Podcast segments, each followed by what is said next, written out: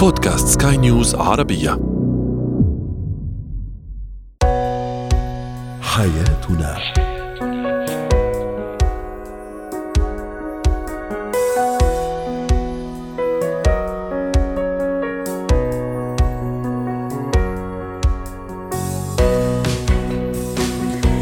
مستمعينا الكرام أهلا بكم معنا إلى حياتنا. فضاؤكم اليومي الذي يعنى بشؤون الأسرة وباقي الشؤون الحياتية الأخرى والذي يمكنكم الاستماع إليه عبر منصة سكاي نيوز dot com slash podcast وباقي منصات سكاي نيوز العربيه الأخرى شاركونا عبر رقم الواتساب 00971 56 وثمانية ثمانية ستة اثنان اثنان ثلاثة معي أنا أمال شاب اليوم نتحدث عن أبرز خلافات الأزواج في شهر رمضان المبارك شهر الفضيل شهر الرحمة والمودة والتسامح. أيضا الإفطار الصحي للطفل الصائم حتى أيضا للمراهق وأخيرا طرق لتنظيم الوقت وإدارة مهارة الوقت في الشهر الفضيل.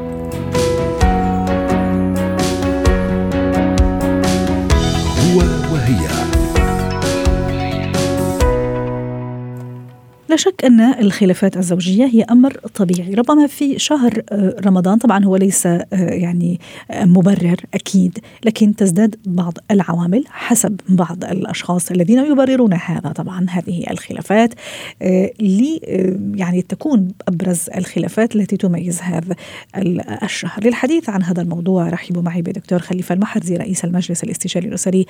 ضيفنا العزيز يسعد أوقاتك دكتور خليفة مبارك عليك الشهر كل عام وأنت بخير، كان هذا سؤالنا التفاعلي ما هي أبرز خلافات الأزواج في شهر رمضان المبارك. آه، تعليقات كثيرة آه، وصلتنا دعني آه، أستعرض بعضا منها. تعليق يقول كثرة الطلبيات في هذا الشهر. أيضا تعليق يقول خلافات بدون أسباب ولا مسببات خلافات مجانية. أيضا يقول تعليق آخر على الأكل والشرب قبل ويختلفوا كمان مشان ثياب العيد آه، وأيضا تعليق آخر يقول مر آه، الخلافات لا ترتبط بظروف أو مواقف أو شهور معينة وطبعا لا يجب أن تكون هذا الشهر شماعة نعلق عليها مشاكلنا أكيد من دون أدنى شك أنا معك آه، في هذا الرأي. دكتور خليفة أكيد في بعض الخلافات ممكن تبرز خلال هذا الشهر بسبب عوامل ممكن رح نأتي على ذكرها آه، لاحقا شو ممكن نقول كمدخل لموضوعنا اليوم؟ هو آه، الشهر الفضيل يعد فرصة سانحة لإصلاح العلاقات المتضررة. لكن هنالك ثمة عوامل تسهم بشكل غير مباشر في تصعيد المشاكل الزوجية ووصولها إلى حالة من الصدام العالي.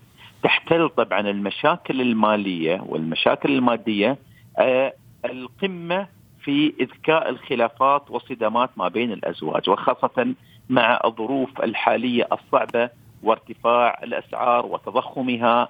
آه، ازدادت وتيرة هذه الخلافات الكبيرة جدا حيث يعاني كثير من الأزواج من الحالة المادية والظروف الصعبة بسبب الكوفيد بسبب ظروف المتغيرات العالمية بارتفاع أسعار النفط وغيرها أدت إلى زعزعت العلاقات الزوجية وسببت الكثير من المشاكل عموما المشاكل المالية تحتل الصدارة بنسبة أكثر من 44% من أسباب الخلافات كأول مشكلة ما بين الأزواج تزداد في شهر رمضان المبارك. وربما راح نضيف لها ممكن شيء مرتبط بهذا يعني المشاكل أو العامل المادي الشهر الفضيل كما قلنا شهر الخير شهر البركة شهر الزيارات العائلية كمان ممكن الولايم العزومات على الإفطار هذا ممكن قد يثقل كاهل الأسرة ممكن في بعض الأزواج يحب يوميا ممكن يعزم الأصدقاء الأحبة الخلان العائلة ممكن الشريك الآخر ما عنده هالقدرة. خلينا نقول سواء المادية أو حتى القدرة مثلا بالنسبة للزوجة أنه كل يوم كل يوم مثلا في المطبخ تعد هذا سفرة رمضان اللي أكيد عندها خصوصية لما يكونوا ضيوف موجودين عنا أليس كذلك؟ هو لا شك أن شهر رمضان له خصوصية خاصة من جانب العلاقات الاجتماعية والتواصل والزيارات والولائم لكن هذا أيضا ترى يسهم في إيجاد مشكلة أخرى جانبية اللي هو مسألة الانكباب على العمل على المطبخ إجبار الزوجة على إعداد الولائم. آه، ممكن دعوة الضيوف من دون الاتفاق بين الشريكين مثلا بين الزوج والزوجة؟ دعوة الضيوف بدون يعني خبر مسبق. هذه أيضا تسبب مشاكل بالزوجية خاصة إن بعض الأزواج في شهر رمضان الكريم ما عنده ميزانية محددة أو ما عنده خطة مدروسة واضحة في التعامل مع متطلبات الشهر وهذا قد يكون أيضا سبب آخر.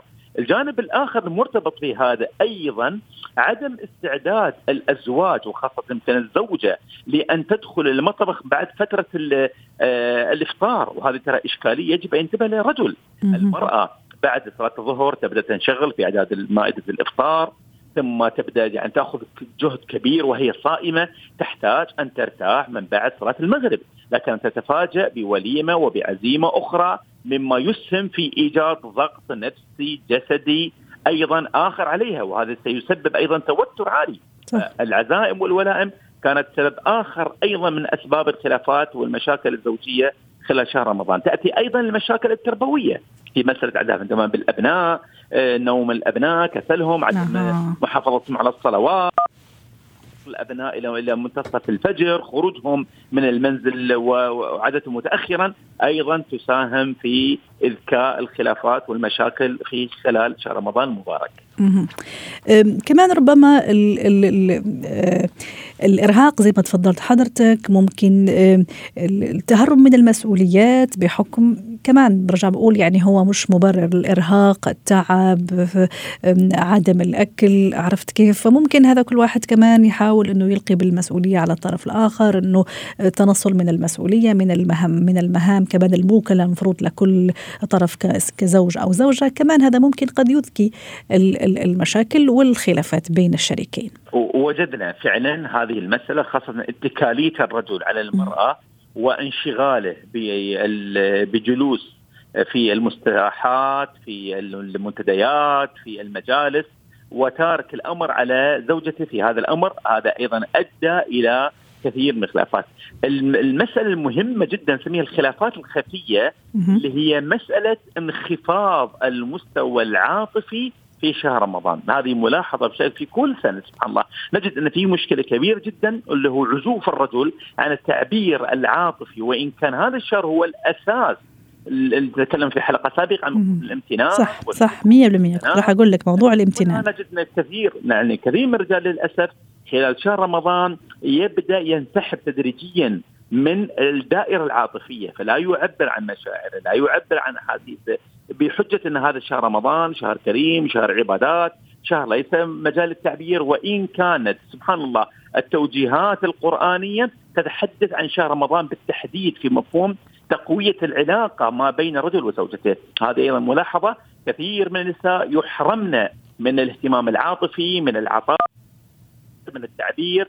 حتى تتعلق في هديه العيد. يعني هذه من الظواهر السيئه جدا في مجتمعنا. كثير من الرجال لا يختم يعني يهتم بكل احتياجات المنزل في ملتزمات العيد لكن للأسف ينسى هديه لزوجته خلال يوم العيد مثلا. هذا أيضا يؤدي إلى نوع من الاحتقان والتوتر والشعور بالإهمال عند الزوجة. صحيح. تأخذ ردة فعل سلبية من تصرف الرجل. وكنصيحه ذهبية أيضا دكتور خليفة حتى نختم هذا اللقاء اليوم معك. شو ممكن نقول لكل الأزواج والزوجات اللي عم يسمعونا الآن؟ حتى ما يكون هذا الشهر يعني مناسبة للخلافات بل بالعكس فرصة للمودة والرحمة والامتنان والتقدير والشكر. شهر رمضان تعتبر أفضل فرصة لتجديد العلاقات الزوجية، م. أروع فترة ذهبية يمكن للزوجان إعادة واحياء علاقاتهم الزوجية التي أصابتها كثير من العلل أو الخلل. هنا في هذا الشهر فرصة جميلة لتجديد العلاقة، لتحسينها، لترميم الأجزاء المصابة في هذه العلاقة، نحتاج فقط لغه المبادرة و الكلمة الطيبة خلال هذا الشهر الكريم. شكرا لك دكتور خليفة المحرزي رئيس المجلس الاستشاري الأسري ضيفنا العزيز وأتمنى لك يوم سعيد. زينة الحياة. اليوم في زينة الحياة نتحدث عن الإفطار الصحي لكن للطفل الصائم وحتى أيضا للمراهق الصائم 13 14 سنة. كمان هل يفضل أنه يكون عنده إفطار مش خاص لكن أقل شيء مواد معينة واكلات معينة ممكن يفضل أن تكون على سفرة الإفطار. رحبوا معي بزينة وهبي اختصاصية التغذية. سعد أوقاتك أستاذة زينة. أهلا وسهلا فيك. أكيد الأطفال يعني نعودهم على الصيام في سن مبكرة. طبعا لا تتعارض. نكون متأكدين أنه صحتهم سليمة جسمهم سليم قواهم سليمة حتى نجربهم وشوي شوي نعودهم على آه، الصيام آه، على فريضة الصيام. نجي لسفرة الإفطار. ما هي الأشياء اللي ينصح فيها؟ تكون على مائدة الإفطار. مش لإلي أنا كبالغ أو راشد لكن للطفل اللي عمره سبعة ثمان سنوات. صار له ساعات 12 و 13 أحيانا أكثر. آه، ساعات طويلة من الامتناع عن الأكل والشرب. ممكن راح يدرس كمان. ممكن عمل مجهود بدني عضلي. شو المواد اللي لازم تكون موجودة وضرورية على آه، سفرة الإفطار؟ أه هلا أه شكرا على الاستضافة، هلا بالنسبة لموضوع الأطفال وموضوع الصيام والإفطار، عادة اللي عمرهم ست سبع سنين آه الأهل بهذا الوقت ببلشوا يعودون على الصيام، فهو ما راح يكون صايم 13 14 ساعة، آه نحن بيقولوا لهم يا أما الصيام على درجات المادنه أو صيام العصفور. في له أكثر من آه. لقب. يعني. لا لا بس إحنا خل خلي إحنا موضوعنا دكتورة يعني جيتك أنا على هالملاحظة بس أنا موضوعي لا الطفل اللي صام يعني يوم كامل عرفتي كيف؟ ما راح يكون عمره ست سبع سنين. طيب. لا لا في في ست سبع سنوات. طيب أوكي عشر سنوات عشر سنوات خلاص ولا يهمك. عشر سنوات وصام رغم إنه أكيد في يعني أكيد في في في, في البعض يعود وخلاص هو يقدر يتحمل. آه، لكن مثلا صام صيام كامل واجا آه، إجا يفطر يعني على سفرة المائدة. أنا كان راح أسألك على هالموضوع لكن استبقتي آه، فقط هذا النقطة. تفضلي أستاذة زينة. هلا بالنسبة للإفطار بشكل عام الطفل مثل الكبير نحن دائما الملاحظة الأساسية اللي بنلاحظها عند كل الناس اللي بيعملوه إنه من وقت الإفطار بيكون في عدة أنواع من الطعام وأشكال ألوان. طبعا لأنه عند التحضير بيكون الإنسان الواحد جوعان ومشتهي على الأكل وفي لمة وإلى آخره فبيكون في عدة أصناف. فلما بيجي الشخص البالغ أو الطفل اللي بيأكل بكميات كبيرة بيصير في عنده حالة من الخمول أو التعب بعد الافطار أكيد كلياتنا عايشين في هي المرحلة. نحن دائما بنقول آه، لا الشخص البالغ أو للطفل يكون الإفطار على مراحل. بمعنى مثل ما آه، قال الرسول عليه الصلاة والسلام أنه نحن نكسر صيامنا بتمرة أو ثلاث تمرات مع روب ونقوم نصلي. هذا هو المثالي إنه نحن نبلش بهذا الشيء. طبعا نحن لما من شو الحكمة خلينا نقول الحكمة العلمية؟ بغض النظر عن أول شيء التمر يحتوي على نسبة سكر عادة لما بعد صيام 12 13 ساعة الجسم خلص استنزف كل شيء إنسولين وكل شيء سكر موجود عنده بجسمه فبيحتاج إلى طاقة سريعة. فالسكر هو مصدر من مصادر الطاقة السريعة والتمر يحتوي على سكر الفواكه. فبيعطيه إحساس بالطاقة والنشاط مباشرة. اللبن يحتوي على البروتين بالإضافة إلى احتوائه على الفيتامينات اللازمه الكالسيوم. طيب يعني يفضل كمان للطفل حتى نرجع موضوعنا الطفل كمان التمر يعني هذه ال ال يعني ال الحبات المثالية اللي يعني يفترض إنه يأكلها بعد هذا بس كمان. كمان الطفل أنا هو صغير أستاذة زينب ما ما أقدر أتحكم فيه إنه مثلا كل تمرات ولبن وبعدين نرجع بعد فترة. بده يقوم بالضبط بعد فترة ما هو بده يقوم يصلي بعدين على الوجبة. عادة الوجبة الرئيسية اللي لازم تكون تحتوي الغالبية على البروتينات وعلى الخضروات. ليش؟ البروتين بيدخل بتركيب آه، آه، بعضلات الجسم وبنمو الطفل. لذلك البروتين مصدر أساسي لازم يكون متواجد في الوجبة. بمعنى لحمة دجاج سمك بيض آه، بقوليات ممكن كمان. وبدنا نبتعد قد ما فينا عن المقالي. بعرف إنه برمضان أيوه. يعني السمبوسه صح. والمقالي. لا وبعدين الولد يعني آه، خاصة مثلا إذا كان في يعني المرة الأولى والثانية أو بدايته بداية مع مع الصوم أكيد إلا ما راح يشتهي أشياء ويطلب أشياء عرفتي كيف؟ ويحاول يعني يستغل الموضوع لصالحه. فأكيد يعني أكيد راح يحب المقالي البطاطا المقلية المشروبات الغازية اللي عادة هذا الأطفال بيحبوا يحبوها في الحقيقة. شوفي هلا بيقولوا لك الطفل على ما ربيتي فأنا إذا أنا كأم من واجبي إنه أنا آه، مش بس أعلم ابني على الصلاة والصيام كمان أعلمه على شوية عادات صحية. صحيح. ليش بدي ادخل الغازيات على البيت. يعني أنا إذا ما بشربها ليش بدي ادخلها على البيت لابني؟ صح. وبالتالي ما إذا هي ما موجودة على السفرة ليش بده ياكلها؟ هلا السمبوسه صار في عدة انواع عجاين تقدري تحطيها بالفرن وصدقيني هي بنفس اللذة اللي موجودة بالقلي. إذا أنا معودته على هذا الشيء هو هذا الاوبشن الموجود فنحن خلص اختصرنا المشكلة. طيب. لكن إذا كان موجود ما فيك تحرمي. طبعا بدك تعطيه بدك تخليه يأخذ بالذات انه صايم ممكن تعتبريها تقولي له برافو لأنه أنت صمت كل النهار فأنا لازم أعطيك والى فممكن يأكل قطعة أو قطعتين. بس نحن عم نحكي على ال ال ال العضو والشغلة الأساسية اللي لازم تكون متوفرة بأكله. يعني ما يعتمد على ياكل لي عيش وروب. عيش وروب ما بيمشي الحال. لازم يكون في معه لحمة لازم يكون في معه دجاج. لو شيء بسيط بس ما يكون اعتماد أكثر على النشويات أو طيب. على الشغلات اللي هي سهلة يعني المقالي أو وات جميل. نرجع الآن للنقطة اللي حضرتك آه، يعني ابتديتي فيها وأنا حبيت أخليها في نص الحديث. مثل الأطفال اللي فعلا ما ما يقدر ممكن هو حاب يكمل بس ما قدر أو لا الاتفاق من البداية إنه ماما راح نصوم مثلا أربع خمس ساعات ثم راح نأكل. نفس الشيء مثلا بعد هذا الانقطاع عن الأكل نفس المواد اللي حضرتك حكيتي عنها نفس الأكل اللي حكيتي عنه المواد راح تكون موجودة ولا ولا كيف؟ هلا شوفي هلا بالنسبة للصيام اللي هو متقطع يعني كل ما بده يقدم بده يفطر آه، فممكن إنه هو يفطر ممكن ما يفطر وجبة كاملة. مم. يعني ما معقولة أنا كمان على كل أذان أحط له رز و, و... وتشيكن أو لحمة يعني وجبة متكاملة. بعدين بيؤدي هذا الشيء إنه بياخذ سعرات حرارية زيادة وبيسمن أيوه. كمان ما بدنا نضره صح. يعني للطفل بهالطريقة. فنحن ممكن اللي هي مثلا على صلاة الظهر ياخذ وجبة فطور يعني مثلا ساندويتش جبنة ساندويش مرتديلا ساندويش حبس مثلا شغلة بسيطة مع كاسة حليب أو كاسة لبن ويرجع يكمل ومي طبعا. طبعا إحنا ما حكينا على المي. المي شغلة كثير أساسية نحن كلياتنا صغار وكبار بننساها في آه، في رمضان. وفي بعض الأطفال يعني أول ما يبتدي بالمي دغري لأنه كثير عطشان فكمان هذه رح تخليه ما يأكل بعدين. أه هلأ ممكن هو يبتدي بالمي بس نحن ممكن نحددها مثلا نص كاسة هلأ وبعد ما تخلص تكمل الكاسة بس نحن بدنا على وجبة العصر ممكن ياخذ له حبة فواكه حتى لأنه بتعرفي أنت بين العصر والمغرب ما كثير في وقت طويل.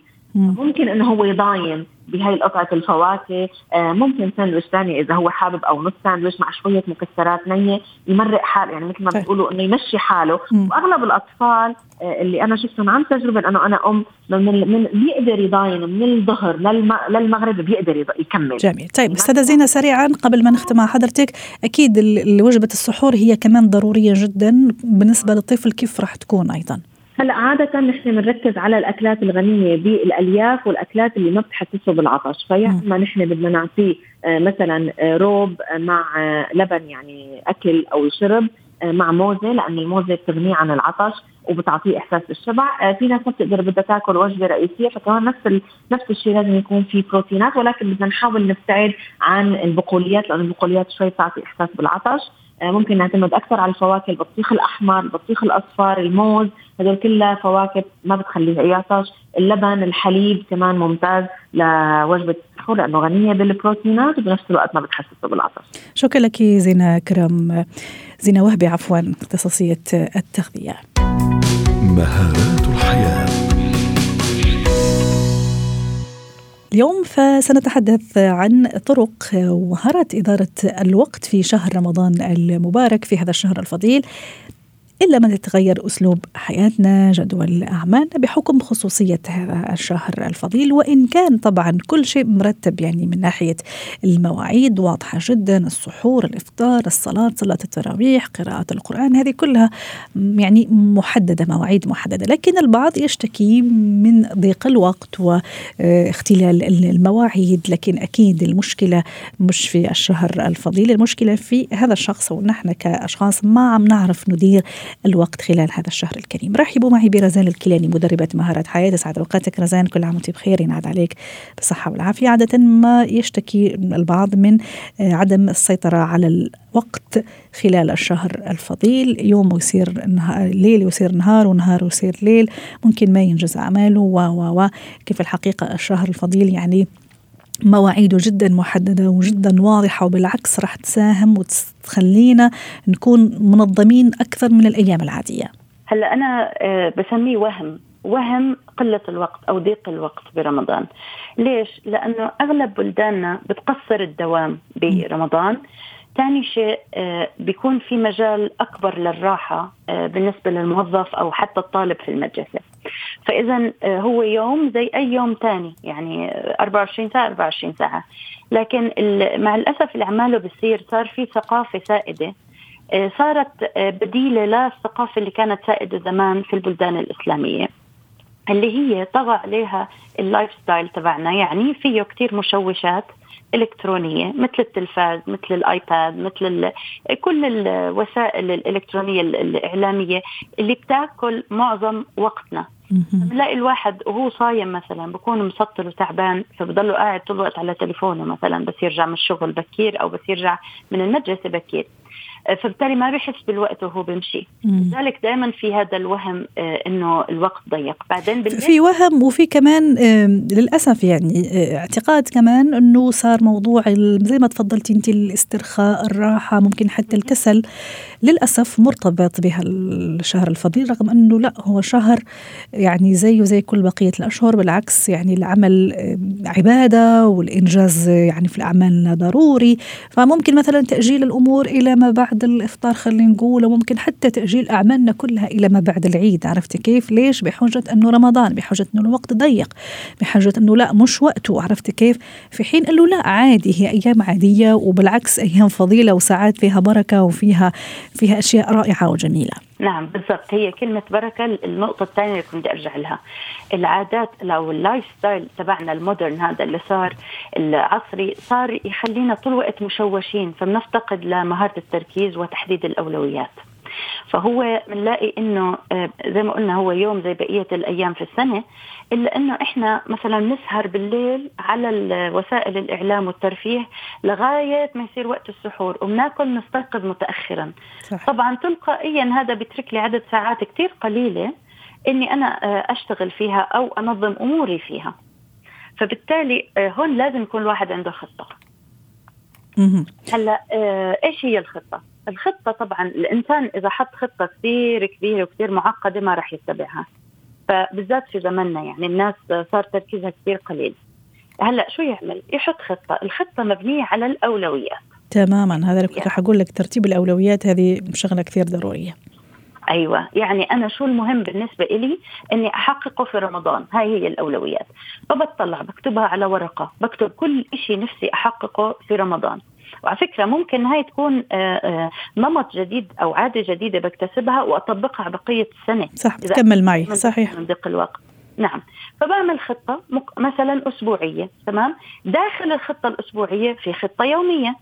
صح. وداخل الخطة اليومية في خطة للصباح وللظهر وللعصر وللمساء ولليل إلى آخره.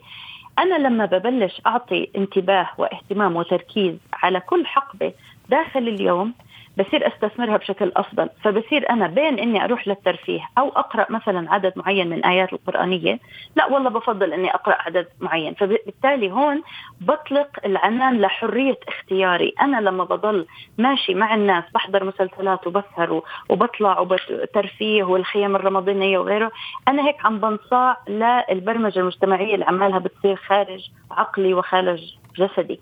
فبالتالي أنا لازم على الأقل بهذا الشهر أنا أحدد أولوياتي شو المناسب إلي؟ من رياضة من دراسة من عمل آه، من مثلا ترفيه من قراءة قرآن وصلوات وإلى آخره. ممكن كمان الموضوع شوية اللي يتأثر به أكثر آه، في هذا الشهر الفضيل كمان السيدات خاصة السيدة العاملة اللي عندها أكيد عملها برا وعندها أكيد واجبات في البيت تستناها خاصة مع هذا الشهر الفضيل.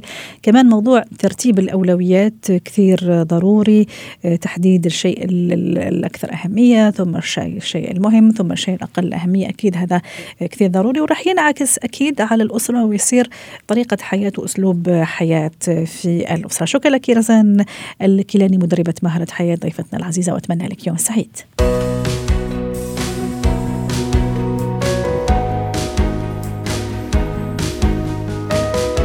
ختام حلقة اليوم من حياتنا. شكرا لكم وإلى اللقاء.